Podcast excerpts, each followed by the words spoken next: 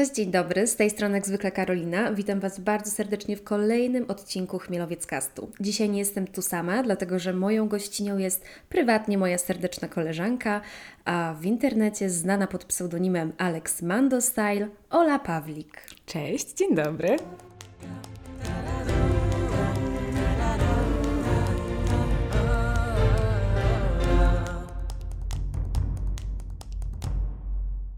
Jaki Ty jesteś rocznik, Ola?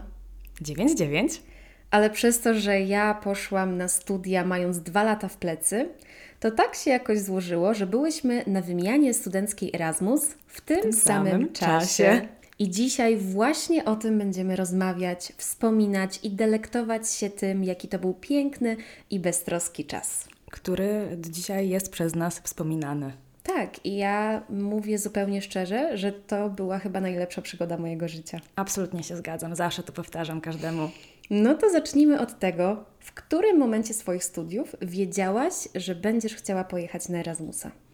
Ja wiedziałam już chyba na początku, bo moja uczelnia bardzo promowała tę wymianę i już od samego chyba października i listopada były różne spotkania właśnie informujące o Erasmusie. Ja stwierdziłam, a pójdę, zobaczę e, co to takiego, bo wcześniej gdzieś też miałam okazję pojechać tutaj na jeden, drugi jakiś kurs językowy za granicę i zawsze bardzo mi się podobało, no ale zawsze to były takie wypady dwutygodniowe. Wiadomo, Erasmus jest już na kilka miesięcy.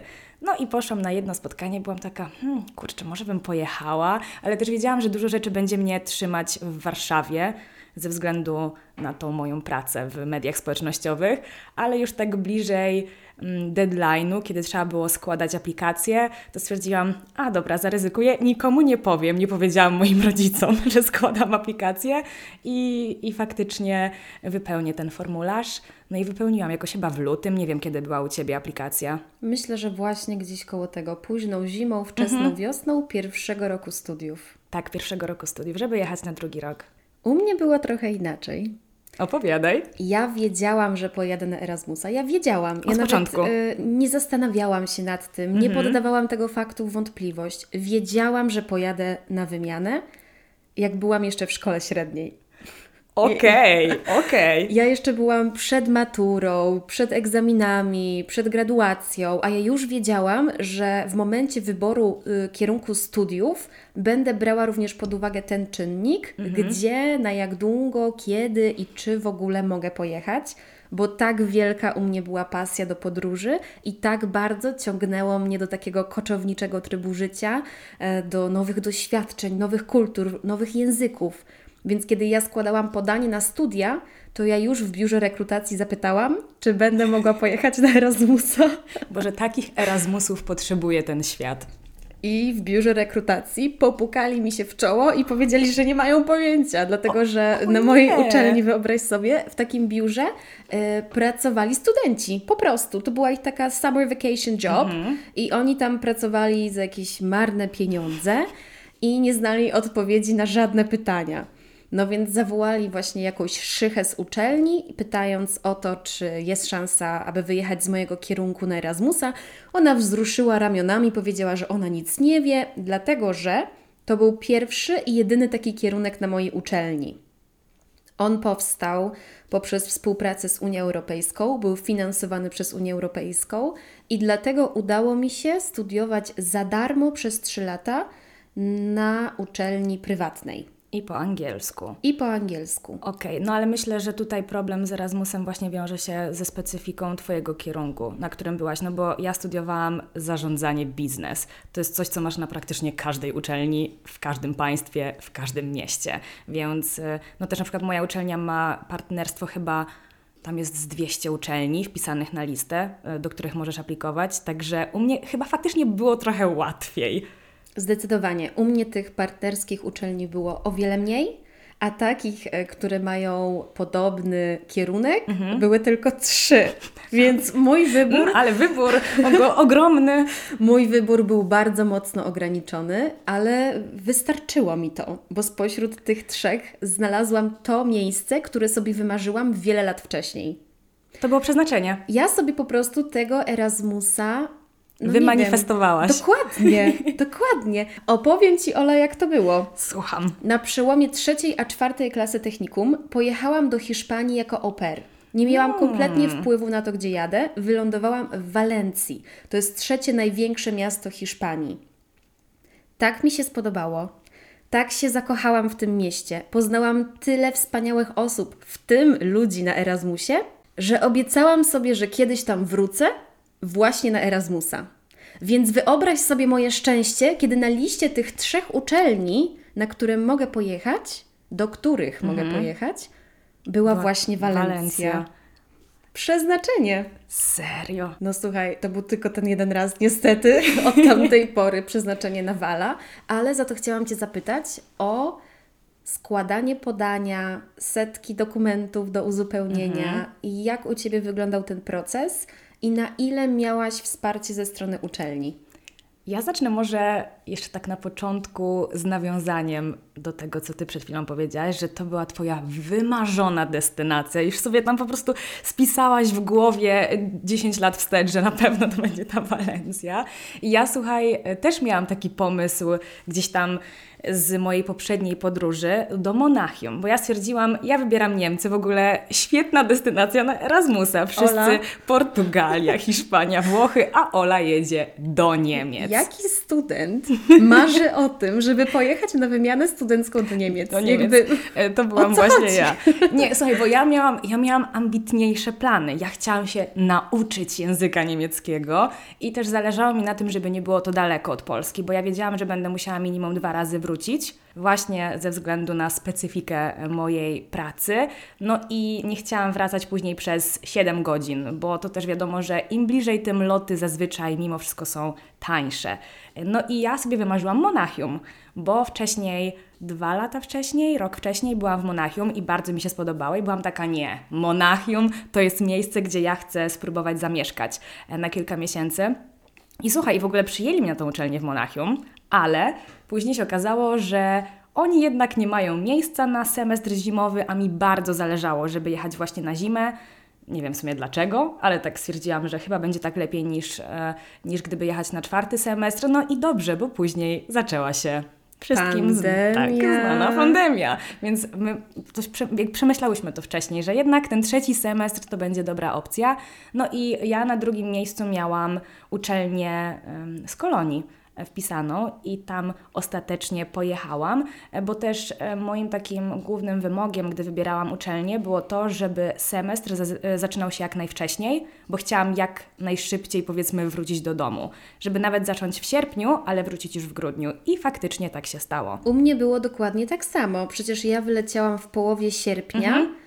I w połowie grudnia już było po wszystkim, Tak. jakby po sesji, Same. po egzaminach, mieliśmy już wyniki, uzupełnioną dokumentację, nara, lećcie do Polski, już Was tu nie chcemy. Więc tak się mówi, jeden semestr, pół roku. Cztery miesiące w tak, praktyce. dokładnie. Mój Erasmus trwał 4 miesiące, to było bardzo krótko i to nie jest tak jak u nas, że dopiero w październiku studenci wracają na uczelnię, Tam tylko była połowa 1 semestru w września my już normalnie zapierniczaliśmy do szkół, e, a od połowy sierpnia mieliśmy takie przygotowawcze kursy języka hiszpańskiego. Okej, to u mnie czegoś takiego nie było. U mnie był tylko taki Introduction Week w sierpniu, a później kurs miałam przez cały semestr. Mm, super zabawa, język czy niemiecki. Oli faktycznie udało się nauczyć języka niemieckiego na tym Erasmusie? No niestety na Erasmusie okazało się, że język niemiecki to chyba tak nie do końca mój konik i e, moje wymarzone zajęcie i chodziłam na ten kurs, ale tak mi się on nie podobał. I ta nauczycielka była taka, mm, no nie, jakby miałam takie poczucie, że nie za bardzo posuwam się, posuwam się do przodu i no też prawda jest taka, że jak idziesz na Erasmusa i jesteś z ludźmi, którzy nie są z Niemiec, bo też przyjechali na Erasmusa i to z nimi się gdzieś tam najwięcej trzymasz, no to nie mówisz po niemiecku, tylko mówisz po angielsku. Nie musisz znać języków, żeby poznawać języki. Wystarczy alkohol. Zgodzę się z tym, ale do tego wrócimy. Tak, wróćmy do tematu. Tak, Dokumentacja. Powiem Ci, z tego co ja pamiętam, to u mnie na uczelni było to relatywnie łatwe. Ja składałam wniosek online, dostałam jakieś chyba wyniki online i później musiałam donieść em, z dziekanatu jakiś spis moich ocen, jakieś potwierdzenie, że umiem angie- angielski i coś tam może jakieś jeszcze jedno, że jakąś umowę coś tam podpisuje. I to tyle. Wow! Na tym Koźminie to jednak szanują Za coś- za coś studentów. płacimy, tak. Wiesz, moja uczelnia też była prywatna, więc w teorii ten proces powinien być ułatwiony. A w A praktyce było beznadziejnie. Miałam wrażenie, że oni utrudniają nam wyjazd na wymianę. To było tak, że najpierw musiałam uzupełnić stos papierów, nie online, tylko wiesz, Oj. wydrukować, podpisać. Musiałam tam zebrać podpis e, opiekuna roku, pani w dziekanacie, tego, siamtego, stramtego. Było tego strasznie dużo. Oczywiście, tak jak mówisz, lista ocen, no i sprawdzenie, czy mam w ogóle albo jeszcze inaczej to ujmę. E, No i musiałam jeszcze dołączyć dowód tego, że w jakikolwiek sposób udzielam się na mojej uczelni dodatkowo, bo za to były dodatkowe punkty. U nas też to Mhm. było, ale to jakby nie było wymogiem. A właśnie, mieliście jakieś wymogi? Takie, że minimum, które musieliście spełniać, bo na przykład u nas była średnia takim wymogiem. Tak, u nas była średnia 4.0 i egzamin języka angielskiego zdany na minimum B1 i ten egzamin miał formę matury. Naprawdę. Ja przyszłam na ten egzamin zupełnie wychillowana, z torbą w ręku, hihi haha, mnóstwo ludzi na korytarzu, śmieszki, heheszki, a oni tak poważnie do tego podeszli. Oni, mam na myśli kadrę z mojej uczelni, wiesz, wpuszczali nas pojedynczo, mogliśmy mieć tylko długopis, musieliśmy mieć e, dwie ławki odstępu od siebie nawzajem, w ogóle Ale e, sposób, tak, w jaki sprawy. nas traktowali i w jaki do nas mówili, ja byłam w szoku, bo ja myślałam, że to jest tylko formalność. No każdy z nas Aha. wyjeżdżając na Erasmusa raczej wie, że musi mówić po angielsku. No, oczywiście, tak. Oczywiście ten egzamin nie sprawdzał tego, czy my mówimy po angielsku, tylko musieliśmy uzupełnić taki placement test. A przepraszam bardzo, a jakie dokumenty potwierdzały Twoją znajomość języka angielskiego na Twoje studia na tamtej uczelni? Bo przecież musiałaś mówić po angielsku. To Tak. na, na co jakby jeszcze kolejny test? Tak, to było właściwie absurdalne. Oczywiście bardzo dobrze mi poszedł ten egzamin i bez problemu go przeszłam. I po tym egzaminie, kiedy poszłam do Biura Współpracy Międzynarodowej, to zapytałam, e, czy wszyscy zdali, jak to w ogóle wygląda, czy każdy, kto chciał, to dostał się na wymianę. I okazało się, że mieliśmy o wiele więcej miejsc niż chętnych, a i tak parę osób odpadło, bo na przykład nie miało średniej 4.0, albo bo na przykład nie zdali egzaminu. Smutno tak troszkę, bo jak sobie patrzę na moją uczelnię, to ona raczej tak bardzo ochoczo wypycha wszystkich, którzy są chętni. I nawet są jakieś dodatkowe jeszcze rekrutacje, jak zostają miejsca. I na przykład, jak ty miałeś w ogóle jakiś taki egzamin, który faktycznie wygląda jak matura, to ja poszłam do swojej lektorki angielskiego na, na tych moich studiach i powiedziałam, pani, tu mi pani podpisze, że ja na B2 potrafię. I pani mi podpisała i to tyle. Widzisz, co, co kraj to obyczaj. Co uczelnia, to jakieś w ogóle inne tutaj Tak. wymogi. Jak coś, to ja studiowałam na Fryczu w Krakowie. a ja na Akademii Leona Koźmińskiego w Warszawie, czyli tak zwany Koźmin. E, Frycz e, profesjonalnie i pełnoprawnie nazywa się Akademią Krakowską, ale nikt tak e, nie mówi, tylko wszyscy mówią po prostu na Fryczu. I to jest uczelnia owiana bardzo złą sławą, dlatego że kiedyś można było tam sobie po prostu kupić wykształcenie. I mimo, że wiele się zmieniło od tamtej pory, no to jednak taka reputacja została i gdzie mi no, absolutnie to nie przeszkadzało w takim codziennym funkcjonowaniu, tak, niektóre procesy były bardzo utrudniane przez władze uczelni, na przykład ten Erasmus. I gdyby nie to, że ja byłam po prostu taka pewna tego, że ja chcę pojechać i zdeterminowana, to myślę, że bym się poddała w momencie, kiedy zobaczyłam plik dokumentów do uzupełnienia, bo oczywiście tam był list motywacyjny do napisania. Ty też go miałaś? Wiesz co, wydaje mi się, że mogłam jakiś mieć, ale to czy oni to w ogóle wzięli pod uwagę? Nie mam zielonego pojęcia. No, u mnie ja nawet widziałam poprawiony ten list. Co? Mhm. Naprawdę podchodzili do tego jak do misji życiowej. Trzeba było tam uzasadnić, dlaczego chcesz pojechać na Erasmusa, co on zmieni w Twoim życiu, czy podniesie Twoje kwalifikacje zawodowe. No tego było mnóstwo. Tak więc to, że ja pojechałam na Erasmusa, uważam za swój życiowy sukces, dlatego że moja uczelnia bardzo łatwo do tego zniechęcała i z mojego kierunku nie pojechał w ogóle nikt inny, tylko ja. Okej, nie, to, to, to był wyczyn w takim razie. Aż słuchaj, napiję się wody y, za cierpliwość wszystkich tych, którzy będą chcieli aplikować na Erasmusa i będą mieli tak utrudnioną y, drogę do tego. Trzymamy za Was wszystkich kciuki, a my mamy przerwę na wodziczkę. Ja pierdzielę, jaki w ogóle cier... Co? To u mnie w ogóle chillera, formularz online, później tam jakieś trzy papierki złożyłam. Wow. W jakich okolicznościach dowiedziałaś się o tym, że zostałaś przyjęta na Erasmusa? Chyba w bardzo powszechnych, bo czuję, że z Twojej strony szykuje się kolejna ciekawa historia. Ja po prostu weszłam w formularz, który miałam tam w takiej aplikacji online i tam było napisane przyjęta. Dziękujemy. Aha, czyli wiedziałaś, którego dnia masz wejść i sprawdzić. Tak, tak. Było powiedziane, że tam chyba, nie wiem, 1 lutego czy 1 marca będą wyniki. Ja dostałam maila I co w nim było? od uczelni zagranicznej, A, nawet okej. nie od mojej własnej, Okej. że nie możemy się doczekać, aż się poznamy, bla bla, to wszystko było w języku hiszpańskim, tutaj lista dokumentów, które musisz tam dostarczyć, nie? Ja tak, co? Czy już mogę się cieszyć? I dwa dni później dopiero moja uczelnia wysłała mi maila, Pani Karolino, została Pani przyjęta. Więc naprawdę zapłon mojej uczelni oceniam na mocne 2 na 10. Zgadzam się. Ola, powiedz mi tak szczerze, czy studenci faktycznie jadą na Erasmusa po to, aby doświadczyć, jak wygląda system edukacji w innych krajach? Oczywiście, że tak. Nauczyć się języka, zobaczyć jak wygląda ta kultura, ale myślę, że przede wszystkim mocno się wybawić.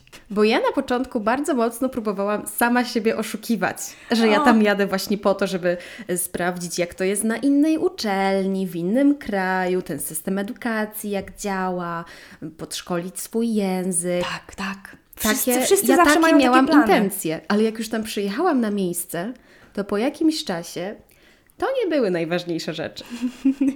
No ale też po co jedziesz na Erasmusa? Okej, no może coś się tam, może czegoś się nauczysz, ale ja jechałam też z taką. Ja jechałam z paroma intencjami. Ja przede wszystkim chciałam trochę odpocząć od życia w Polsce i w Warszawie. Nie, że jakoś bardzo się z nim, nim zmęczyłam, ale chciałam mieć jakąś taką namiastkę trochę życia z czystą kartą, gdzie też na przykład w ogóle nikt mnie nie zna i po prostu poznaję całkowicie nowych ludzi, ale ja też wiedziałam, że na Erasmusie zapewne pierwszy raz w życiu doświadczę takiego stricte studenckiego życia, którego tutaj w Warszawie nie miałam. Hmm. Boże, jakoś tak smutno w ogóle to zabrzmiało. Nie, absolutnie. Ja miałam bardzo podobnie. Z tym, że ja dopóki nie pojechałam na Erasmusa, ja w ogóle nie potrafiłam imprezować. Ja nawet nie wiedziałam, co to znaczy życie towarzyskie, a, a tym bardziej jakieś studenckie imprezki. Ale ja Dopiero żyłam na Erasmusie się Mhm. tego nauczyłam i to było wspaniałe. E, czyli potwierdzasz, że Twój Erasmus to była jedna wielka impreza. To właśnie powiedziałaś, tak? Tak, i słuchajcie, mówię to y, będąc na tym Erasmusie w Kolonii w Niemczech, które no jakby nie wydają się być bardzo imprezowym krajem, no bo to jednak jest, to nie jest kultura taka jak właśnie w Hiszpanii, w Portugalii, taka bardziej otwarta Kolonia do ludzi. wcale nie brzmi jak mekka No, no, no. imprez studenckich. A, słuchaj, może, może jednak trochę była. W sensie ja trafiłam na wspaniałe towarzystwo, bo większość osób, z którymi się trzymałam na tym Erasmusie, to były osoby z Meksyku. Więc trochę tak, jakbym była na tym Erasmusie w Meksyku. I ja poznałam parę osób z Polski, była nas tam chyba czwórka albo piątka dziewczyn. No to my, my też byłyśmy razem w jakiejś tam takiej naszej małej grupce, ale że miałyśmy bardzo różne plany zajęć, to też nie trzymałyśmy się jakoś bardzo ze sobą. Natomiast właśnie grupa Meksykanów była chyba najbardziej liczna i oni mocno się trzymali z Hiszpanami, no bo wiadomo, ten sam język. I tak, to była zdecydowanie najliczniejsza grupa i też mówili po hiszpańsku, gdzie ja ani my, ani B po hiszpańsku. Czy mi to przeszkadzało? Niekoniecznie, bo wiedziałam, że jeśli będzie rozmowa dotyczyć również mnie, to po prostu powiedzą to do mnie po angielsku, ewentualnie po niemiecku, ale po niemiecku, jak się okazało, mało kto mówił. Ym, Skąd my tam jeszcze mieliśmy osoby? Mieliśmy jeszcze osoby z Francji, była dosyć liczna grupa z Francji. Oni się mocno trzymali razem, ale na przykład Meksyk Meksykanie mieli to do tego, że oni są bardzo właśnie tacy otwarci i rodzinni, że jak oni Cię poznają, to od razu mówią "E, You are my family. I ty jesteś ich family. I tak się to ciągnęło przez te moje 4 miesiące, więc ja się przez 4 miesiące najbardziej zakomplowałam e, z Meksykanami. No i Meksykanie stali się moją ulubioną narodowością po tym okresie. A Francuzi pewnie trzymali się z boku. Tak, to prawda. U mnie oni byli najcięższą grupą, dlatego że gdzie, kiedy do Niemców się podchodziło, oni od razu zmieniali język na angielski, żeby ci nie było przykro i żebyś rozumiała. Francuzi I nie. wszyscy mówili po angielsku zero problemu, prawda? Zawsze mogłaś dołączyć do jakiejś grupy wiadomo, nie na stałe, ale na moment why not? Tak samo mm, oni łatwiej potrafili się zaadaptować, natomiast Francuzi, ojejku, no tylko i wyłącznie język francuski. Oni po prostu też bardzo słabo mówili po angielsku, z dużym akcentem. Możliwe, że mieli z tego powodu kompleksy i trzymali się tylko i wyłącznie razem. Nie żartuję.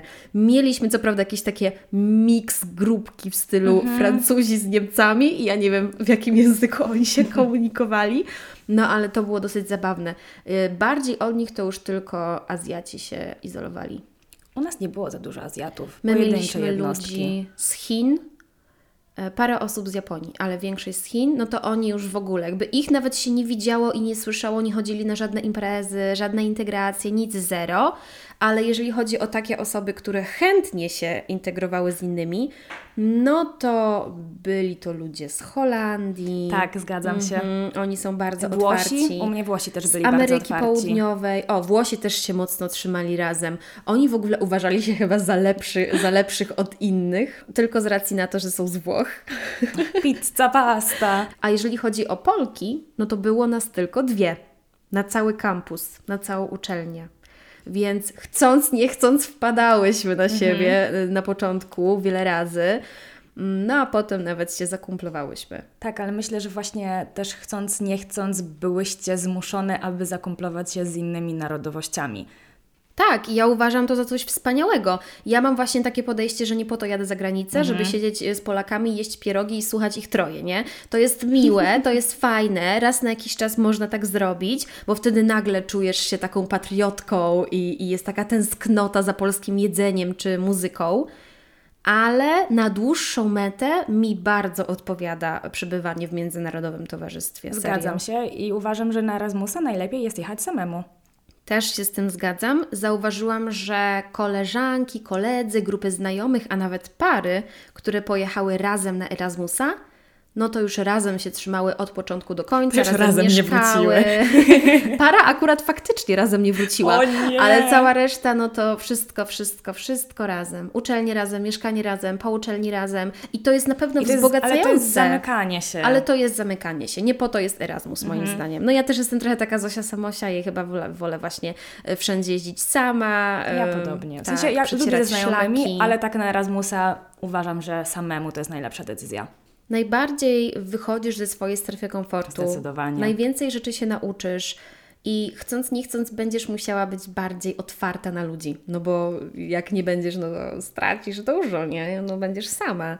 Więc e, warto. Zdecydowanie warto. A co więcej, ta parka, która pojechała razem, Co się stało? to oni nie wrócili razem, bo jedno i drugi zdradziło siebie nawzajem z O innymi nie! ludźmi z tego Erasmusa. O nie! Słuchajcie, żeby nie było, to nie jest jakaś definicja Erasmusa. E, trochę tak. Ola próbuje być bardzo grzeczna. No to jestem ja, ale słuchajcie, to nie jest tak, że jak puścicie swoją drugą półkę na Erasmusa, to... Chociaż może w sumie trochę tak jest. Czy puściłabyś swojego chłopaka samego na Erasmusa do Hiszpanii? Mm. Czyli nie. Wiecie, to jest tak, że z jednej strony e, tutaj serce mi podpowiada, że, że trzeba, wiecie, dawać wolność drugiej osobie. Ale I- nie na Erasmusie. Nie na Erasmusie. No, bo wiecie, no właśnie to, to jest ta specyfika Erasmusa, że tam jedziesz raczej nie po to, żeby się uczyć jakoś bardzo dużo, Ale tylko... tacy też byli Tacy też byli? Mhm. Oj, to u mnie raczej nie. Którzy spędzali autentycznie całe dni od rana do nocy w bibliotekach. y, Oni się udzielali dodatkowo w jakichś projektach, chodzili na koła Okej. naukowe. Ja w szoku. I w ogóle nie imprezowali. Byli tacy, autentycznie. Albo tacy, którzy pisali jednocześnie swój licencjat albo magisterkę, e, więc to nie jest tak, że wszyscy tylko jadą imprezować. Nie, to Ale tylko my takie Ja byłyśmy. miałam mnóstwo osób, które były na magisterce i pisały swój, e, swoją magisterkę albo licencjat wtedy i normalnie wszyscy z nami imprezowali. Tylko później byli tacy, że okej, bo tutaj muszę jeszcze dłużej posiedzieć na uczelni, bo muszę wysłać jakiś tam temat tej mojej pracy do mojej uczelni e, w, w domu mym, rodzinnym. Ciekawe. Ale tak to raczej nie. Nie przypominam sobie jakiejś takiej dużej izolacji. Ciekawe, ciekawe. Ja muszę tutaj wspomnieć, że początek Erasmusa był dla mnie bardzo trudny. Gdzie ja się łatwo adaptuję w nowym towarzystwie, dobrze mówię po angielsku, znam podstawy hiszpańskiego, dużo podróżuję, więc jakby Powinnaś powinno. Tak, to, to powinien być dla mnie raj. A na początku było mi ciężko w ogóle y, znaleźć z kimś taki wspólny język na dłużej niż krótki small talk. To po pierwsze, a po drugie, tych imprez było dla mnie za dużo. Przecież ci ludzie imprezowali codziennie. dzień. Ola, codziennie. Ale ja- jeszcze nie Było zdążyłam podobnie. Poradzić sobie z jetlagiem i rozpakować walizkę. Byłam zmęczona i śpiąca, zwłaszcza, że musiałam spędzić noc na lotnisku, bo mój lot był opóźniony w A, ogóle. pamiętam tą Mhm. historię, To pamiętam. był dramat. Więc jak przyjechałam ten jeden wieczór później niż wszyscy, to oni już byli wszyscy zintegrowani, a ja byłam tą nową. Okej, to jakoś bardzo szybko to w sumie u Ciebie nastąpiło, Mhm. bo ja poznałam ludzi dopiero, ja przyleciałam chyba w sobotę, a od poniedziałku był ten Introduction Week i ja dopiero wtedy poszłam na uczelnię i zaczęłam Mhm. się zapoznawać z tymi ludźmi. No i tam, tak wiecie, trochę wolniej, trochę szybciej, zależało od osoby, takie właśnie znajomości zaczęły się nawiązywać i no faktycznie później już coraz częściej wychodziły jakieś tam pomysły, chodźmy do baru, chodźmy do klubu, chodźmy na miasto. Wtedy jeszcze było super ciepło i ja przyjechałam do tej tak. kolonii, tam kurde 40 stopni, a ja wzięłam już ubrania takie bardziej ala jesienne i pamiętam, że leciałam do Primarka kupić jakieś sukienki, koszulki za 5 euro, żeby mieć co na siebie włożyć. Jak zaczęły się odbywać pierwsze imprezy, też te organizowane przez uczelnię tamtą, to my się jakoś tak wszyscy zaczęliśmy bardziej integrować i to stopniowo było coraz bardziej intensywne. I faktycznie no później już te wyjścia były no codziennie, ale czy jest się temu co dziwić, skoro tam jedziesz okej, po tą naukę, no ale do której siedzisz na tej uczelni? Do jakiejś 15, ewentualnie chyba, że raz na jakiś czas masz zajęcia wieczorem. Też mi się to zdarzało, nie wiem jak Tobie, ale oprócz tego nie masz absolutnie żadnych zobowiązań, więc imprezujesz. Tak, to było cudowne. Nie chodzić do pracy? Mm. Wow! To, to był pierwszy raz e, dla mnie od, od dłuższego czasu, kiedy nie musiałam chodzić do pracy i uczelnia była moim jedynym zobowiązaniem i w dodatku mogłam sobie plan zajęć dostosować pode mnie, więc sobie zrobiłam jeden dzień w tygodniu zupełnie wolny, więc chodziłam tylko cztery dni w tygodniu Super. na zajęcia i tak sobie ustawiłam, żeby żadne nie zaczynały się wcześniej niż 11, żebym mogła sobie odespać. Z tym, że w Hiszpanii imprezuje się też trochę inaczej niż w Niemczech, podejrzewam, Okej. bo do klubu idzie się dopiero o trzeciej. W nocy? Tak. W Hiszpanii przed trzecią nie masz co robić w klubie, Co? bo o tej porze idą tam same przegrywy i nudziarze i zdesperowani rozwodnicy. Tak, i właśnie dlatego było mi tak ciężko, bo ja byłam cały czas chronicznie niewyspana i zmęczona. chciałam to powiedzieć. E, Tak, i, i ten tygodniowy kurs e, hiszpańskiego, który mieliśmy na samym początku, czy tam dwutygodniowy, już nie pamiętam, chyba dwutygodniowy, był e, bardzo wysokim Miał bardzo wysoki poziom, wyższy niż y, mój hiszpański, więc musiałam dawać z siebie trzy razy więcej niż reszta, miałam wrażenie. Plus te imprezy to było dla mnie strasznie wycieńczające. To się nie dziwię w sumie. No, my się spotykaliśmy na przykład koło 21, 22 u kogoś w domu i tam było pre-party, czyli dużo piliśmy, graliśmy w jakieś drinking games, gdzie u nas w Polsce raczej nie ma takiej kultury. Y, Tam się nic nie jadło, tylko się piło, piło, grało, piło, grało, coś tam tańczyło, potem się szło do baru, żeby więcej pić, więcej grać i więcej tańczyć. I dopiero wtedy szliśmy do klubu, czyli to była właśnie godzina około trzeciej, więc wracaliśmy do domu, jak już było jasno, pomiędzy szóstą, siódmą a ósmą. Myślę, że ósma to już tak naprawdę późno, około siódmej. Czasami szliśmy na wschód słońca, na plażę, e, pływaliśmy w morzu, w tych ciuchach albo bez nich. Wracaliśmy do domu i się okazywało, że za dwie godziny my już musimy być na kursie na uczelni, nie? Więc ja byłam cały czas zmęczona i nieprzyzwyczajona w ogóle do imprez. Plus to, że ja nie znałam tych ludzi za bardzo, więc nie wiedziałam, do kogo się mam doczepić. Taki trochę wykańczający ten tryb życia, tak mi się wydaje. Tak się wydaje śmiesznie, że no, laska pojechała do Hiszpanii, słonecznej, palmy, e, miasto w porcie, e, wiesz, e, imprezy, a ja narzekam. Ja pamiętam, że dzwoniłam do mamy i się skarżyłam, że to miejsce nie jest dla mnie, że ja chcę wracać, że ludzie tutaj tylko piją, palą, imprezują i chodzą do łóżka z kim popadnie. Pamiętam, że tak się skarżyłam mojej mamie, że to nie jest miejsce dla mnie, że ja się nie tego spodziewałam.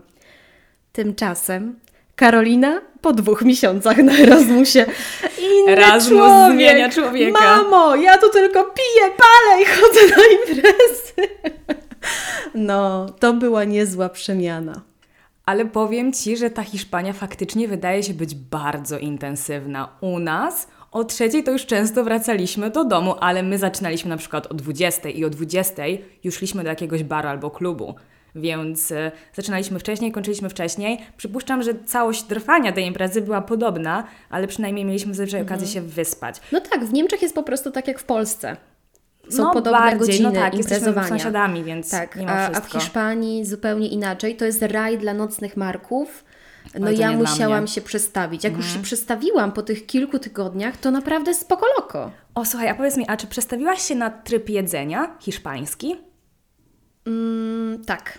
Tak? Okej. Kolacja o 21 norma. I to taka kolacja dwudaniowa Mnie to plus tak deser. irytowało, bo- I zapraszaliśmy znajomych do siebie, gotowało się w kilku garnkach na mnóstwo ludzi, bo O. my miałyśmy to szczęście, przepraszam, że Ci tak przerywam, mała dygresja, z moimi współlokatorkami, że miałyśmy dwupoziomowe mieszkanie, Premium. które miało w sumie, podejrzewam, że z z 200 metrów kwadratowych, więc my miałyśmy największe mieszkanie ze wszystkich naszych znajomych, największy luksusy. stół w kuchni, największy salon, więc u nas e, działy się domówki, u nas działy się wspólne kolacje, wspólne uczenie się, wspólne przygotowywanie różnych projektów i właśnie e, te kolacje o 21, no trzeba było się do tego przyzwyczaić. Ja też się do tego musiałam przyzwyczaić, mimo tego, że byłam w Niemczech, ale trzymałam się głównie właśnie z Hiszpanami, z Meksykanami, z Francuzami. Oni też tam jadają bardzo późno. I jak oni mi powiedzieli, że oni właśnie jedzą o 20, taki ogromny posiłek, który ja zazwyczaj jadam o godzinie powiedzmy 15 tutaj w Polsce, to byłam taka, okej, no dobra, Raz mogę zjeść. raz mogę nie? zjeść, ale jak się okazało, że tak jest codziennie, to słuchajcie, ja przytyłam chyba ze 3 kg. To tylko taka moja jakaś tutaj historyjka, ale ja później jak wróciłam do Polski powiedziałam, nie, nie, nie, nie ma opcji, ja wracam do trybu polskiego, że lepiej, wygodniej dla mnie, też jestem taką osobą, która jest bardzo uporządkowana jedzeniowo w ciągu dnia, że ja muszę rano zjeść śniadanie, później jakieś może drugie śniadanie, obiad i kolacja. I tam to śniadanie rano. I nagle ta kolacja za 12 godzin, to, to za duża przepaść dla mnie była. No ale się przyzwyczaiłam, no co miałam innego zrobić. No, jeszcze na śniadanie w Hiszpanii, wiesz, je się tościka z pomidorkiem malutkiego, ewentualnie do tego croissanta i kawkę i tyle, to już jest śniadanie. Potem masz jakiś taki lunczyk i to Mhm. najczęściej jest e, bocadillo, czyli kanapka z czymś. Okej. Em, mam na myśli taką bagietkę, wiesz, przeciętą w pół, tam do środka masz włożony na przykład, nie wiem, ser i szynkę. Uuu. I tyle. Okej. Albo na przykład aioli, czyli taki czosnkowy majonez i to jest Twój lunch. I dopiero potem na kolację dowalasz sobie takim wielkim posiłkiem, nie? Mm, Ma to sens, ma to sens. Ja śniadania dałam samemu, bo mieszkałam sama. Ja się odizolowałam od społeczeństwa. Właśnie, jak to było z tym mieszkaniem? Opowiadaj. Wiesz co, bo ja stwierdziłam, że okej, jadę na Erasmusa, ale na pewno no, to nie jest tak, że rezygnuję z całej mojej działalności w internecie, a wiedziałam, że jak będę mieszkać z kimś, to mogą się pojawić jakieś problemy w związku tutaj z nagrywaniem, robieniem jakichś dziwnych, różnych innych rzeczy. I po prostu nie chciałam, żeby ktoś mi przeszkadzał, tym bardziej, że już byłam przyzwyczajona po roku mieszkania samemu do mieszkania samemu, więc stwierdziłam, no dobra, pojadę do tego Erasmusa, będę mieszkać sama, ale będę się integrować. I tak się stało, ale to też było super, bo ja właśnie jestem taką osobą, która lubi się spotykać z ludźmi, ale na koniec dnia lubię wrócić do mieszkania, gdzie jest cisza i mogę odpocząć. A jak Co w się na ogóle e, szukałaś przydało? mieszkania i, i skąd wiedziałaś w O jakiej Jezu, to lokalizacji? była taka I czy tragedia z tym byłaś, e, mieszkaniem. daleko od pozostałych studentów? Gdzie i jak mieszkali inni? U mnie było parę opcji do wyboru.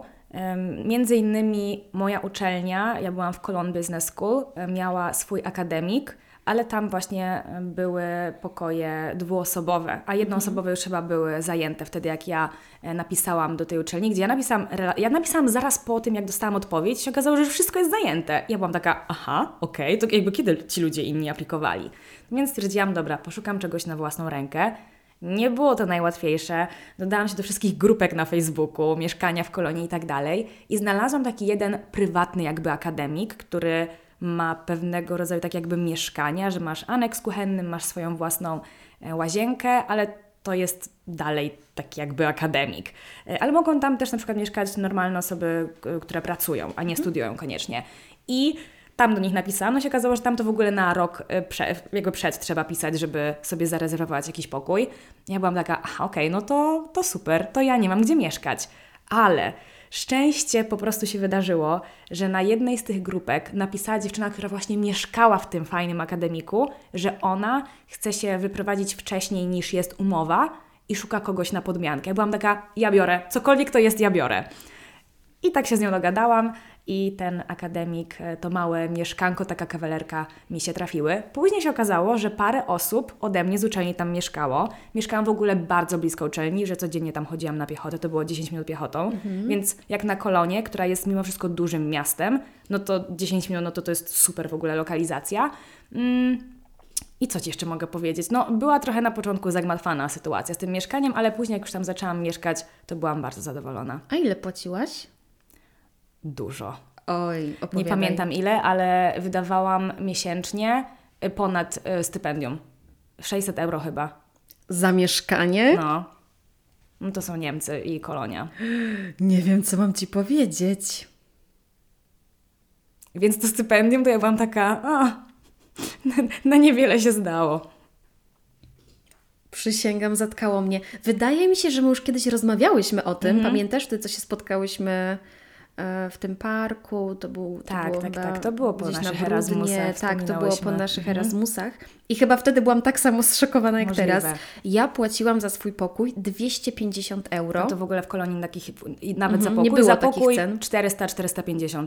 to już wiem, dokąd nie jechać na Erasmusa, y, z tym, że w naszym budynku miałyśmy basen, miałyśmy O, wow. windę, miałyśmy dwa tarasy To jest faktycznie i premium. naprawdę duże mieszkanie, bo mieszkałyśmy tam we cztery, każda z nas miała swój pokój ze swoją łazienką, Super. do tego była taka otwarta, ogólna łazienka dla gości, kuchnia i salon.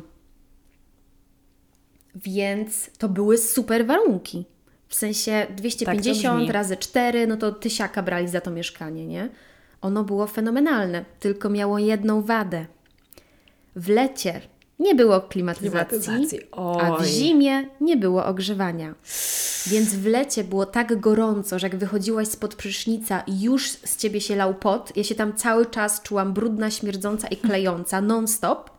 Potem był przez moment taki czas, kiedy było w sam raz. Super. Mhm. I jak później... zaczęło się robić zimno, ale tak naprawdę cholernie zimno i padało dzień i noc i wiało strasznie od morza, to było nam tak zimno w mieszkaniu, że nawet nie miałyśmy się czym okrywać, no bo przecież Hiszpanie nie wynaleźli kołdry, tak? Oni nie mają czegoś takiego jak kołdra. Jezu, Oni biedne. śpią e, pod poszewką.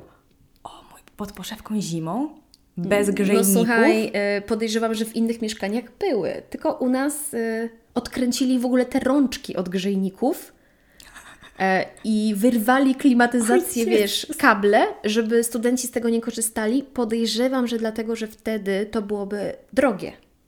No, klimatyzacja chyba dużo prądu zżera, tak mi się wydaje. No, więc wtedy to byłoby drogie, może często studenci nie zdawali sobie sprawy i zostawiali włączone i wychodzili i tak dalej. No pamiętam, że straszne to było, zwłaszcza, że ja lubię spać nago, więc te noce były straszne. Ja spałam, wiesz, pod kilkoma poszewkami i pod kilkoma takimi cieniutkimi kocami, które gdzieś tam znalazłam w szafach e, w tym mieszkaniu. No i e, było ciężko, bywało ciężko. To, tylko, że ja byłam w kolonii, więc jednak warunki pogodowe trochę inne.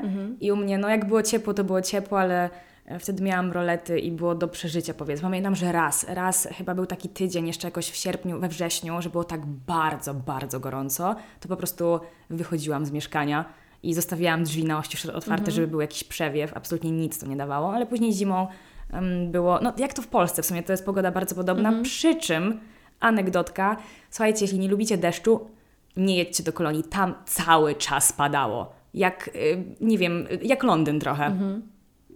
Wyobrażam sobie i nie wiedziałam. Fajna, Ja też nie wiedziałam. Dowiedziałam się tam, jak już byłam, albo może ja tam trafiłam na taką Na pogodę, ale deszczowy. październik, listopad, cały czas padał deszcz. U nas wyobraź sobie, listopad był straszny. Właśnie tak jak mówisz, cały czas padało, było zimno, nie miałam w ogóle w czym chodzić, bo ja w przeciwieństwie do Ciebie założyłam, że cały czas będzie ciepło i wzięłam sobie tylko letnie rzeczy i w trakcie mama musiała mi dosyłać, a ja musiałam iść do sklepu i wiecie, tak jak u nas, dajmy na to jakieś spodnie kosztują e, 60-50 zł e, w sieciówkach, to tam kosztują tyle samo, ale w euro. Jakoś udało mi się przetrwać te chłodne, deszczowe dni właśnie w tym listopadzie, a potem w grudniu znowu było było ciepło, słonecznie i laski się kąpały w morzu. Co? I chodziłyśmy, pamiętam, na plażę się opalać. Co prawda, w momencie, kiedy zachodziło słońce, od razu było zimno, ale wcześniej? dopiero co miałam na Instagramie właśnie przypomnienie, że równe, ile to było, trzy lata temu? Tak. Dwa? Dwa? Dwa? Dwa lata temu. Serio? Tak mało? Na drugim roku studiów, więc na, na czwartym teraz jestem. Ty. No to w takim razie dostałam przypomnienie, że równe dwa lata temu, o tej porze, byłam sobie na plaży w Hiszpanii. To było już, już teraz w grudniu, nie? Więc e, no ta pogoda była zdradliwa. Codziennie jak się budziłam, to nie wiedziałam, czego, czego się mogę spodziewać. Równo dwa lata temu na Erasmusie ja pisałam w cholerę trudne egzaminy. Jak było z poziomem edukacji? Masakra. A, czyli jednak, czyli jednak trzeba coś się uczyć. U nas e, jakby motyw przewodni Erasmusa był work hard, party hard. Mam na myśli to, że było mnóstwo materiału do opanowania, mnóstwo projektów, w które autentycznie trzeba było się angażować i pisać sprawozdania, który student włożył ile pracy w jaki projekt. To nie było tak jak w Polsce, że y, tworzymy sobie grupę, jedna osoba odwala całą robotę i wszyscy dostają takie same oceny. Nie. Musieliśmy nawet materiał e, potem prezentowany przed salą, przed klasą, przed ludźmi dzielić na równe części, bo jeżeli ktoś miał mniej tekstu, a ktoś więcej, to potem ocena mogła być niesprawiedliwa. I co więcej, mieliśmy nawet takie zajęcia o tym, jak dobrze prezentować prezentację, jak się dobrze prezentować, mm, jak operować swoim głosem, gestykulacją, co zrobić, aby Twoje prezentacje były ciekawe, interesujące, angażujące. W Polsce w życiu o czymś takim nie słyszałam, nie na mojej uczelni. No i muszę się przyznać, że ja miałam dużo przedmiotów, które nie miały nic wspólnego z moim Mówiłaś kierunkiem. mi o tym, tak. Więc mi było jeszcze trudniej, bo ja byłam na równi z ludźmi na trzecim, czwartym roku. Ja nie wiem, jak to się w ogóle stało. Po prostu ja poszłam na takie przedmioty, które były po angielsku. Ale ja miałam to samo. Mhm. I miałam czwarty rok turystyki, czegoś tam, jakiejś y, ekologii, O, super, ekonomii. bardzo ciekawe tematy. A ja totalnie łysa w Zerowa temacie. wiedza, no. Musiałam wszystko to nadrobić i jeszcze wykazać się wiedzą. Pamiętam, że najgorsze było to, że musiałam się uczyć łacińskich nazw drzew sprzed milionów lat.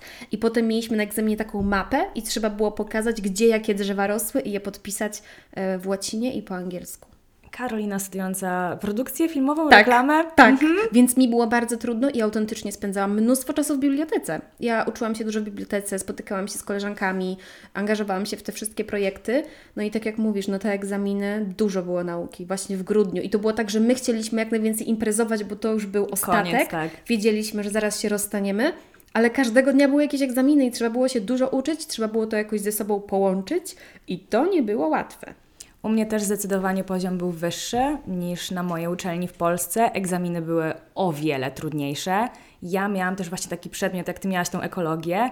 Ja miałam finanse, które okej, są Auć. związane z zarządzaniem, które ja studiowałam. Natomiast na drugim, do drugiego roku studiów ja nie miałam absolutnie żadnego przedmiotu związanego z księgowością, rachunkowością, z finansami i poszłam na ten przedmiot, który nie nazywał się podstawy finansów, tylko już jakaś finansowa analiza, gdzie oni mi dają bilans jakiejś spółki i ja muszę wiedzieć, jak tam wszystko policzyć. I byłam w grupie z ludźmi, którzy na przykład studiowali finanse albo już mieli któryś przedmiot z kolei, który dotyczył tego tematu i ja byłam taka jak ja mam, przepraszam bardzo, zdać ten przedmiot. I autentycznie przez pierwszy miesiąc byłam załamana, bo byłam taka, nie, przyjechałam na Erasmusa, na Erasmusa i ja czegoś nie zdam. I e, to było widać mocno na tych zajęciach i e, prowadzący był taki Ola, pytał mnie o jakieś różne rzeczy, a ja w ogóle zero, nie wiedziałam o czym oni mówią. I tak miałam takie podejście, ach dobra, może to jakoś ogarnę bliżej grudnia. Dobrze, że to podejście się zmieniło, bo powątpiewam, żebym ogarnęła. I pamiętam, że po którychś zajęciach on przywołał mnie, do, do siebie palcem i powiedział mi, Ola, you're smart, but you're lazy. O, ja byłam nie. taka, o nie! To ja, Standardowy tak, tekst. Ja, ja byłam taka, dobra, ja teraz motywacja, pełne skupienie, zaczynam się uczyć tego przedmiotu. I autentycznie w życiu, w życiu nie poświęciłam tyle mojej energii, czasu i skupienia na nauczenie się jednego przedmiotu. Ja codziennie po zajęciach wracałam do mojego mieszkanka, odpalałam YouTube'a i po angielsku wpisywałam sobie, jak czytać i dochodzić do konkretnych mm, jakichś tam takich kwestii właśnie z bilansu e, spółek. I to było dla mnie, ja nic nie wiedziałam. Byłam kompletnie zielona w temacie, ale się nauczyłam i egzamin zdałam jako jedna z najlepszych w grupie. Brzmi strasznie nudno, aczkolwiek gratulacje. Nie, ale powiem Ci, brz- brzmiało bardzo trudno na początku, ale jak ja już Nudno. zaczęłam... Aha, trudno, a, Nudno. nudno. Było i trudne, i nudne. Na początku ja byłam taka, nie no i na co mi ten bilans? Ja nie idę później na księgowość ani nic takiego. Mhm. Ale możesz. Ale dziewczyno, słuchaj, jak ja już zaczęłam ogarniać temat i tak stwierdziłam, że okej, to, to jest jakaś logiczna całość. Tu A wiąże się z B, B wiąże się z A. I ja naprawdę miałam taki okres, jak już pisałam te egzaminy w grudniu, że zaczęłam się zastanawiać, czy na magisterkę nie pójść na finanse i na rachunkowość. Do tego stopnia spodobał mi się ten przedmiot, ale był tam też fantastyczny ten prowadzący. I on naprawdę było widać, że on to robi z powołaniem. Właśnie miałam pytać, czy miałaś jakichś fajnych prowadzących i profesorów, bo u nas był taki profesor. Który był kraszem każdej Erasmuski. Tak. O! On właśnie uczył nas ekoturystyki, ale nie tylko. Miałam z nim e, kilka przedmiotów. Miał żonę i troje dzieci, Hmm, ale był szkoda. rozwiedziony. A, Nie okej. pytaj skąd wiem. Wszyscy go kochali. Laski się podkochiwały, a wyglądał mniej więcej jak e, El Profesor z La Casa de Papel. Nie oglądałam, ale wyobrażam sobie, że Nie to jest jakiś przystojniak. To wyobraź sobie po prostu Hiszpa- Hiszpana w okularkach Okej. I w białej koszuli. O! jako profesora na uczelni. To właśnie tak wyglądał. I on, wyobraź sobie, organizował nam wycieczki terenowe dla studentów, za I które wszyscy nie byli musieliśmy chętni. płacić. Tak, i wszyscy byli chętni. Nie mieliśmy zajęć, mogliśmy odkryć nowe miejsca w naszej okolicy. Zabierał nas do lasu, zbierał nam granaty prosto z drzewa i, i wiesz, częstował nas tymi owocami. No ja po prostu dostawałam, wiesz, spazmów szczęścia na tych wycieczkach. No niestety ja krasza nauczyciela nie miałam, ale ogólnie wykładowcy byli na naprawdę bardzo wysokim poziomie i to były takie osoby, które na przykład specjalnie też przyjeżdżały na uczelnię z zagranicy i widać było, że robią w jakichś dużych firmach, korporacjach i faktycznie znają się na rzeczy tak praktycznie, a nie, że jest to byli tylko raczej teoria. poważni. Raczej byli poważni, ale większość z nich też była naprawdę bardzo okej, tak e, osob- prywatnie. O.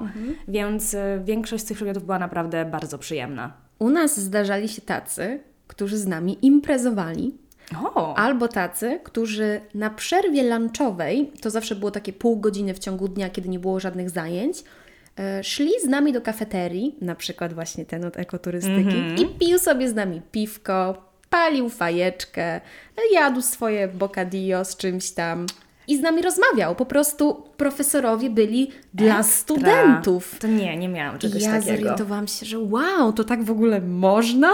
To nie jest tak, że zawsze trzeba z nimi być na pan i pani Panie i latać profesorze. tak za nimi y, po korytarzu i prosić o podpisik, prosić o coś tam, prosić, y, prosić się w ogóle o jakąkolwiek uwagę, nie? A tutaj oni właśnie wychodzili z inicjatywą. Nie wszyscy oczywiście, no jak wszędzie, no ale ten jeden był super i pamiętam, że oblałam u niego egzamin.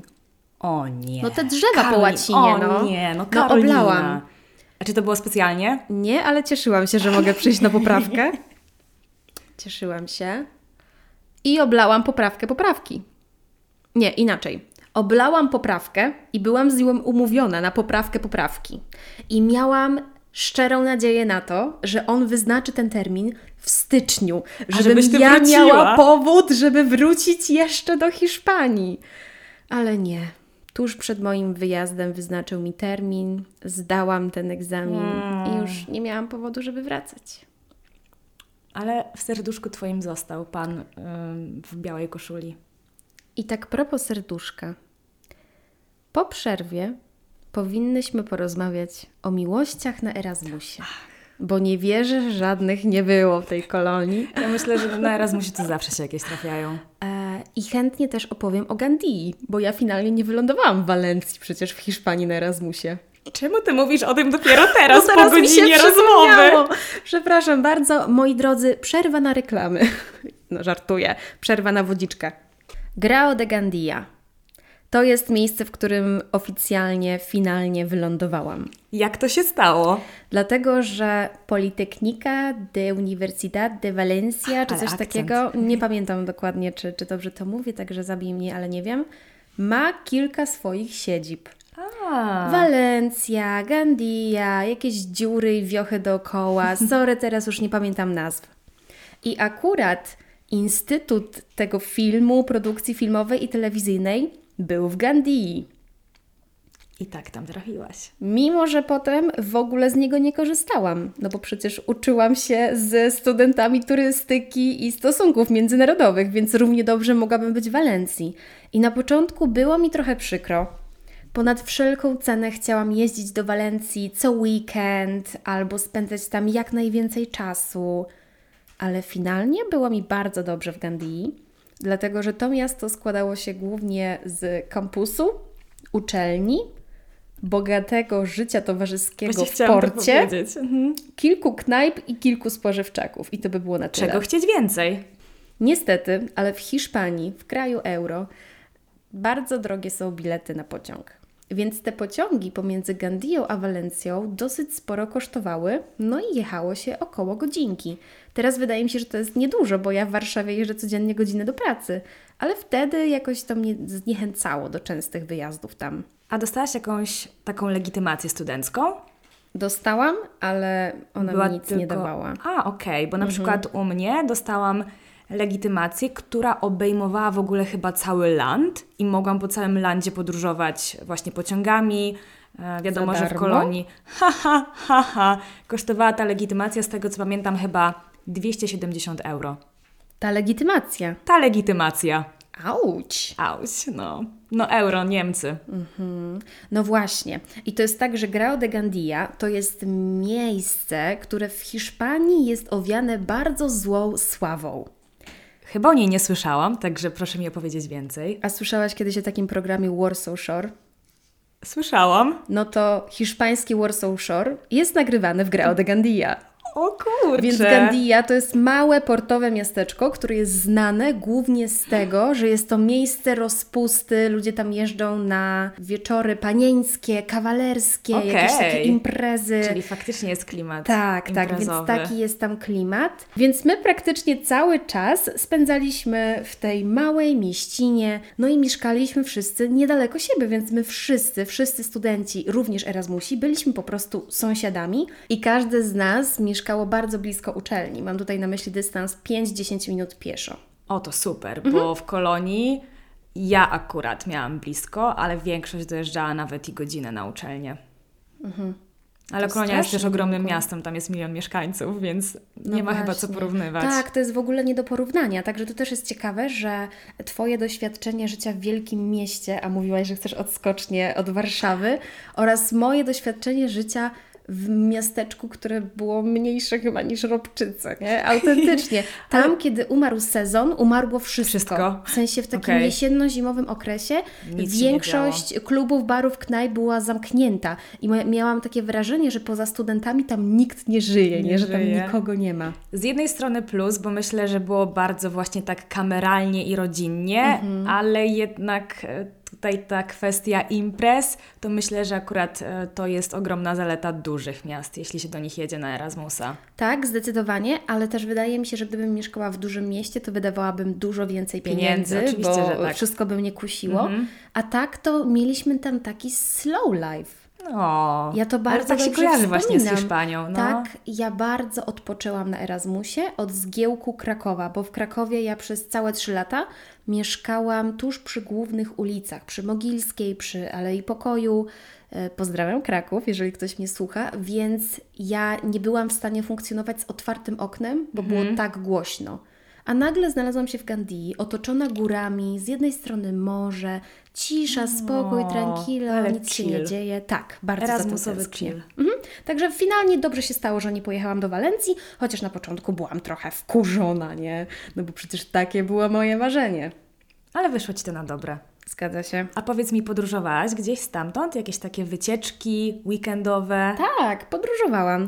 Wydawało mi się, że będę jeszcze więcej podróżować niż to było faktycznie, ale z drugiej strony te cztery miesiące to nie jest dużo czasu. Oj nie, zdecydowanie. E, Byłam na dwóch road tripach, na północy Hiszpanii oraz na południu. To było tak, że razem z dziewczynami zrzucałyśmy się na samochód, wynajmowałyśmy i tak, po prostu jechałyśmy sobie razem e, w taką niedługą podróż. No to zazwyczaj były weekendy, 4-5 dni maksymalnie, nie?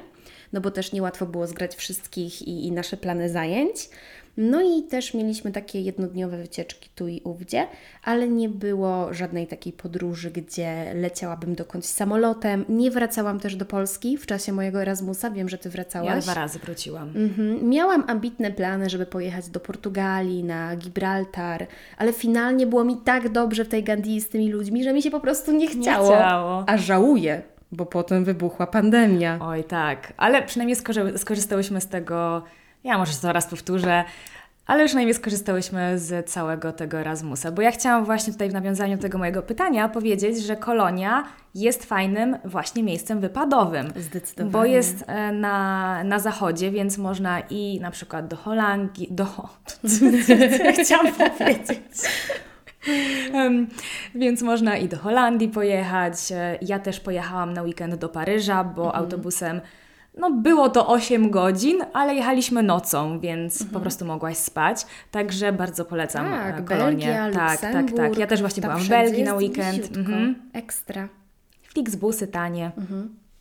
No ja tylko widziałam brzeg Francji, jak pojechałam na północ Hiszpanii na tego road tripa, ale to było super, bo dla mnie to też była taka lekcja w ogóle, em, nie wiem nawet jak, jak to ująć, koleżeństwa i przyjacielskości. Ja nie doświadczyłam w ogóle nigdy wcześniej czegoś takiego nigdzie indziej. Nagle staliśmy się dla siebie jak rodzina, bo nie mieliśmy nikogo, Nikogo innego. innego. My razem się uczyliśmy, razem spędzaliśmy czas wolny, y, razem mieszkaliśmy, razem imprezowaliśmy, razem podróżowaliśmy, wszystko robiliśmy razem. I naprawdę można było się bardzo zżyć ze sobą. I te road tripy, wspólne wspomnienia, jakieś przypały, no to było ekstra. Jak ktoś mnie zawsze pyta, dlaczego wybrałam kolonię, taki nieerasmusowy kierunek, to odpowiadam, że nie liczy się miejsce, a liczą się ludzie. I to jest prawda. Wydaje mi się, że w każdym przypadku, bo jednak wiążesz się z tymi ludźmi bardzo mocno, bo cały czas spędzacie wspólnie czas, no bo co innego masz robić? Mhm, to prawda. A powiedz mi, czy poznałaś kiedykolwiek osobę, która źle wspominała swojego Erasmusa, która na przykład powiedziała, że miała beznadziejnych ludzi i jej się nie podobało? Coś mi świta w głowie, że chyba kiedyś słyszałam taką historię, ale nie jestem w stanie przywołać, kto to był, więc nie wiem, czy to może jakieś halucynacje. No bo jestem ciekawa, czy taka jest reguła, że Erasmus jest po prostu zajebisty? Ja myślę, że też dużo zależy Czy od jednak- Mhm. nastawienia. Że jak ty jedziesz i faktycznie chcesz spędzić czas super i przede wszystkim jesteś otwarta na te znajomości, bo to jest klucz do sukcesu, to ten Erasmus będzie zarąbisty. No właśnie. Bycie otwartym na relacje. Spill the tea. Opowiedz mi teraz trochę o erasmusowych romansach, miłościach, rozstaniach, bo u mnie takowe się pojawiły w pierwszym tygodniu Erasmusa. Nie u mnie w sensie Ale tak personalnie. ogólnie wszyscy, że pierwszy tydzień i związki, tak? Tworzymy. Nie Tak może... było. Naprawdę? W sensie, nie że wszyscy, ale pierwsze takie pary i romanse zaczęły się pojawiać w środę, a ja tam przyjechałam w poniedziałek. Ej, to wy serio szybko bardzo ta wasza integracja I postępowała. pamiętam, że ja byłam w szoku, bo ja przecież pojechałam na Erasmusa, jeszcze taka grzeczna, niewinna i nieskażona złem. Oj, oj, oj, jaka Jak dobra ja zobaczyłam, dziewczynka. że na jakiejś imprezie ludzie już się całują po dwóch dniach znajomości, to ja byłam taka... To jest ta erasmusowa otwartość. Jak to już? Ja nawet nie zdążyłam zapamiętać więcej niż pięciu Imion. imion, Mhm. a ktoś już zdążył jakby zbudować taką relację, żeby się całować. Jezus, I to w klubie. I to w klubie przy wszystkich. Wszystkich. Tak. Najbardziej tacy otwarci właśnie na takie relacje byli Szwedzi i Szwedki. Ale dziwisz się? A nie wiem, w sumie co to było za pytanie? Ola! A dziwisz się? Nie, bo ja akurat mam bardzo świeże doświadczenia ze Szwecją, bo byłam tam dwa tygodnie temu. No i ja porozmawiałam sobie z paroma osobami tam, no i Szwedzi, w ogóle cała Skandynawia jest bardzo, bardzo otwarta na takie niezobowiązujące Mhm, takie znajomości. przelotne, prawda? Przelotne, tak, że tam nie szuka się raczej czegoś na stałe. No i to by potwierdziło właśnie moje obserwacje. Kurczę, ale ja nie miałam chyba za wielu osób ze Skandynawii. Ja jestem w stanie przywołać dwóch kolegów chyba z Norwegii, Mhm. którzy u nas byli w tej kolonii. Wyobraź sobie, że u nas był taki cały dom wynajęty przez przystojnych Szwedów. No, Szwedzi to jednak Nazywałyśmy wyglądają. ten dom, uwaga, Swedish House. Ciekawe czemu. I tam było, nie wiem, tam mieszkało chyba z ośmiu chłopaków. Wszyscy wyglądali jak bracia, of course. Okej. No i e, Było na chodziłyśmy popatrzeć. tam na jakieś domówki, Mhm. hihi, haha. Pamiętam, że siedzieliśmy na tarasie, piliśmy sangrię i tinto de verano i słuchaliśmy muzyki, graliśmy w różne gry i ja czułam, że strasznie tam nie pasuje. Okej. Nie wiem czemu.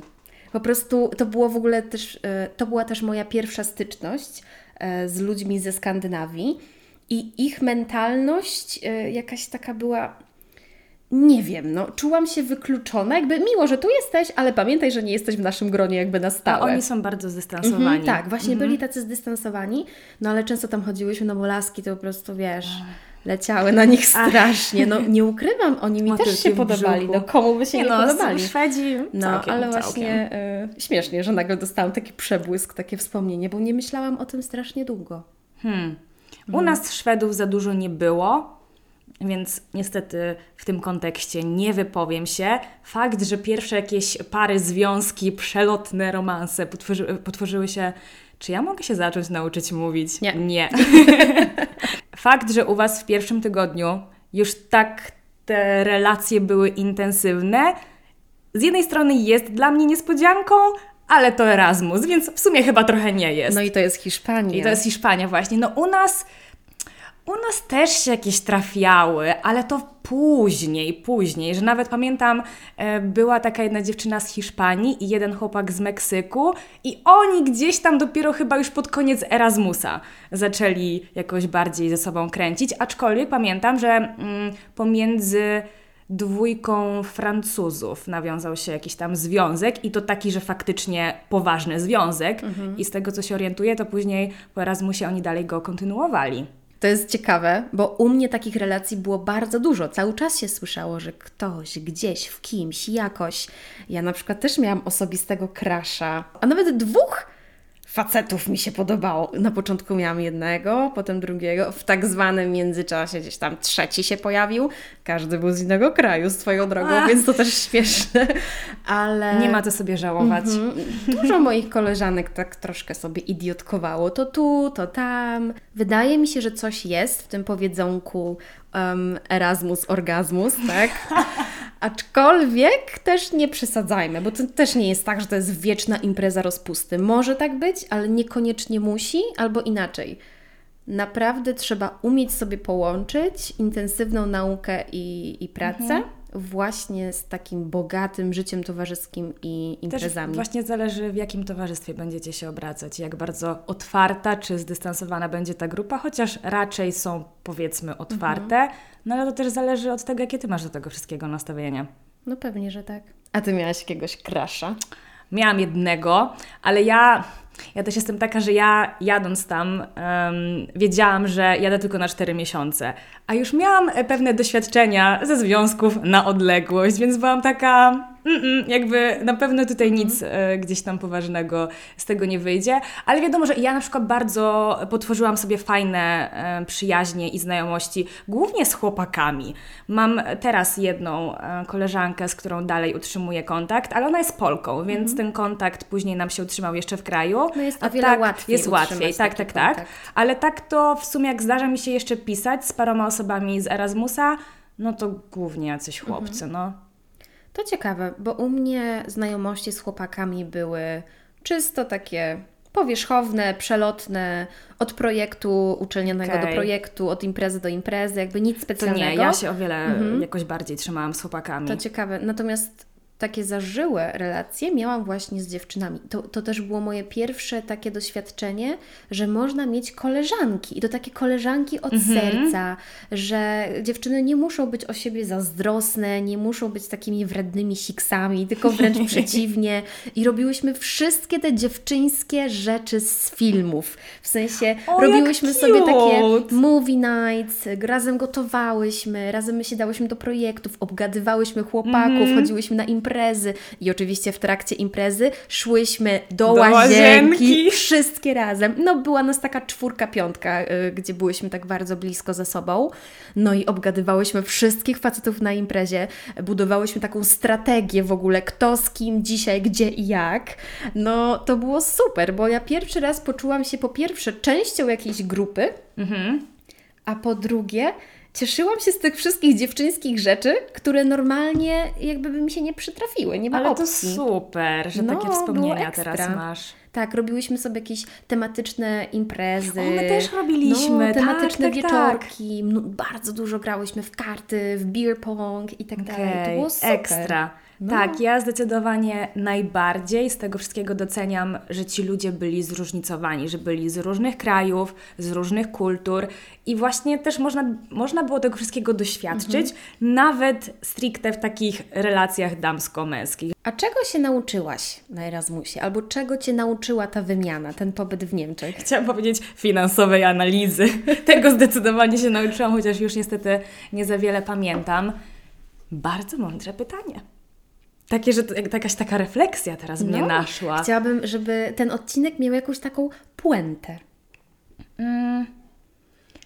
Nauczyłam się chyba tego, że warto wychodzić ze swojej strefy komfortu, bo ja nie byłam do końca przekonana, że tak długi mimo wszystko wyjazd do miejsca, którego kompletnie nie znam, do jakiejś kolonii, gdzie to w ogóle jest, że to jest coś, do czego ja się nadaję i co sprawi mi fan i dużą przyjemność, ale jak już tam pojechałam i to wszystko zaczęło nabierać tempa i poznałam tych ludzi i przeżyłam jedne z najlepszych miesięcy w moim życiu, no to doszłam do wniosku, że warto jest jednak czasem zaryzykować i zrobić coś, co tak nie do końca czujesz, że może jest właśnie w tej Twojej mm, strefie komfortu. Po prostu nauczyłam się być bardziej otwartą na nowe doświadczenia.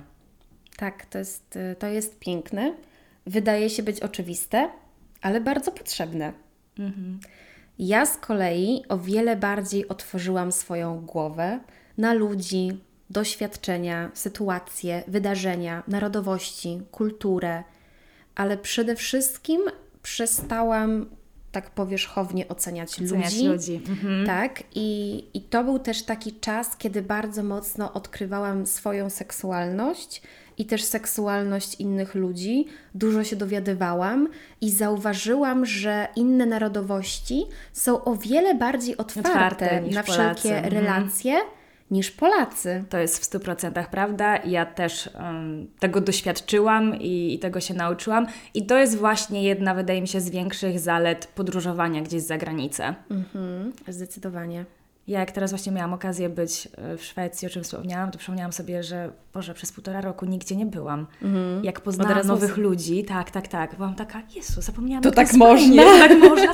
Jak to jest fajnie poznawać ludzi innych narodowości, innych kultur, bo oni mają całkowicie inne nawyki niż my. I to się wydaje, że o, człowiek jakby, człowiek człowiekowi równy powiedziałabym, że każdy pewnie będzie miał podobne nastawienie. Wcale tak nie jest. I nawet jakaś tam e, różnica granicy, że już jesteś innej narodowości, okazuje się robić gigantyczną różnicę. No pewnie, że tak. Ja się dużo dowiedziałam o Meksyku, no bo jak już wspomniałam, dużo czasu spędzałam z Meksykanami i to też jest taka wiedza, że nikt mnie w życiu tego nie nauczył. Na geografii to mi powiedzieli, że tam o, jest gdzieś Meksyk za oceanem, ale wiesz dokładnie, jak ogromne jest to w ogóle państwo, jacy są ludzie, jak się tam spędza poszczególne, na przykład, nie wiem, święta i tak dalej. To jest właśnie ta wiedza, której nie zdobędziesz w szkole. Zgadzam się. I muszę przyznać, że coś często wspominasz o tym Meksyku. No bo ja Ci powiedziałam, że to jest moja ulubiona narodowość. Ja sobie od tych dwóch lat powtarzam, że ja muszę wreszcie tam kiedyś polecieć. Lecimy? Słuchaj, ja już miałam bilety. Jednym z moich większych podróżniczych marzeń jest polecieć do Meksyku na Dia de los Muertos, czyli święto zmarłych. Kiedy oni wszyscy No, wychodzą na ulicę To myślę, może być ciekawe przeżycie. i, i przeżywają to święto tak odmiennie od naszego święta zmarłych, które jest smutne, Smutne, przygnębiające, smętne, tak. szare i ponure, a tam no zupełnie inne życie. Bardzo bym chciała i, i bacznie obserwuję granice i ceny lotów. Proszę mnie uwzględnić w tych planach. Także moi drodzy, zaczęło się od rozmawiania o studiach i Erasmusach, a skończyło na życiowej podróży do Meksyku już wkrótce. Czekajcie na relacje na Instagramach. Na sam koniec powiedz mi, jaką radę dałabyś Oli, która właśnie pakuje się na Erasmusa? Ola, nie pij tyle wina. Naprawdę? Tak, bo wino bywa zgub, zgu, zgubne. Nie No, wiem, jak właśnie słyszę. Przysięgam, nie dałam jej żadnego alkoholu. Jeszcze. Ola, nie pij dużo wina, albo kontroluj jego ilość. Ola, bądź otwarta na nowe znajomości. I przede wszystkim korzystaj z każdego dnia, bo te cztery miesiące przelecą tak o. To były dodatkowe efekty dźwiękowe w tym podcaście. Dziękuję Ci, Ola. Mam nadzieję, że miło będzie mi się to montować. Ale potwierdzam, dwa razy mrugniecie i będzie po wszystkim, więc korzystajcie z każdego dnia. Zgadzam się. Drodzy słuchacze, bardzo Wam dziękuję za ten wspólnie spędzony czas, a jeszcze bardziej dziękuję Oli za bycie gościem w moim podcaście. Ja ogromnie dziękuję za zaproszenie. No i cóż, do usłyszenia już wkrótce. Do usłyszenia. Cześć, na razie, pa!